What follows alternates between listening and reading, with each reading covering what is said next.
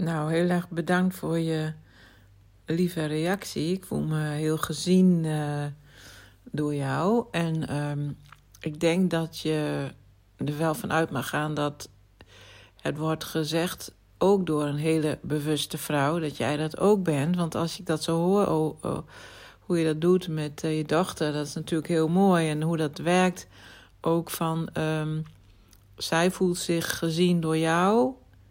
En um, het feit dat uh, zij dat uit, uh, maakt weer dat jij uh, je ook eigenlijk weer uh, gezien voelt. Dus omdat zij, dat, omdat zij dat uit, weet je dat zij ziet wat jij doet in het moederschap of in de, ja, in de, omgang met haar.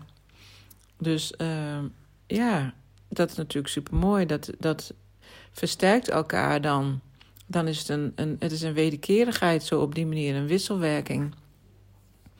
Heel mooi uh, hoe je dat omschrijft.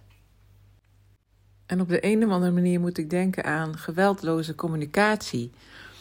Um, ik zal zo uitleggen, dat, ik heb daar ook wel weer een lollig verhaal over. Maar um, kijk, als jij zou zeggen van, uh, nou stel je niet zo aan, hup naar school.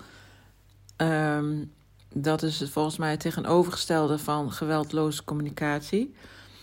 Dan weet ik helemaal niet of dit hoe jij deed, geweldloze communicatie was volgens mij wel. Maar ik weet niet of, daar zullen vast weer, weer allemaal regels voor zijn wanneer het daar aan voldoet. Maar ik moet er even aan denken, want uh, ik ben een keer met een vriendin bij een, uh, ja, een soort, ja, dat is een soort woon, uh, woon, ja. Of, ja, of nou een groep was, weet ik niet zo goed, maar het was in ieder geval een gebouw. Volgens mij met 24 woningen. En uh, het idee daarvan was dat uh, daar mensen wonen die uh, geen inwonende kinderen meer hebben. En dat daar een gezamenlijkheid in is. Dus er is ook een gezamenlijke tuin en, en nou ja, wat andere gezamenlijke dingen. Weet niet meer helemaal precies hoe het daar zat.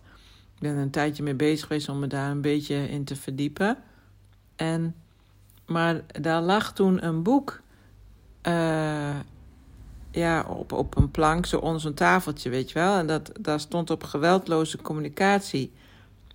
En uh, die vriendin die vroeg van, goh, um, ja, um, zijn jullie daar uh, mee bezig of zo? Ik weet niet meer precies hoe, hoe dat ging, of het kwam te sprake van hoe dat dan hier gaat in die groep of zo.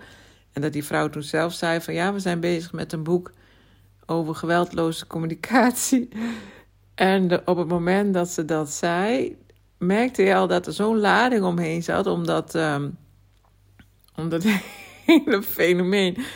En dat er ook wel enige, ja, er zat toch een bepaald ongenoegen bij of zo, hoe ze dat zei. Dus de, het was, de manier waarop was helemaal niet zo geweldloos, zeg maar, hoe ze dat te sprake bracht. En um, waarop eigenlijk voor ons dat een soort cue was van. Nou, uh, er speelt hier blijkbaar van alles. En uh, ja, het is wel heel erg de vraag of wij daar uh, tussen willen zitten. Dus um, ik weet niet hoe mijn brein deze link nou weer heeft gelegd met jouw verhaal.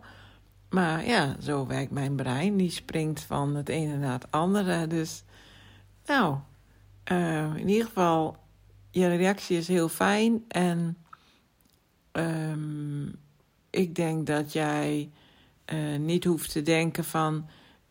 Um, ik hoop daar ook te komen of zoiets, zei jij.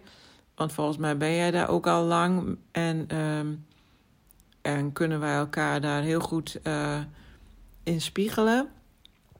Dus, nou, dus steek die complimenten ook maar... Uh, hoe noem je dat? Een veer in je reet. Nee, steek die maar in je eigen reet.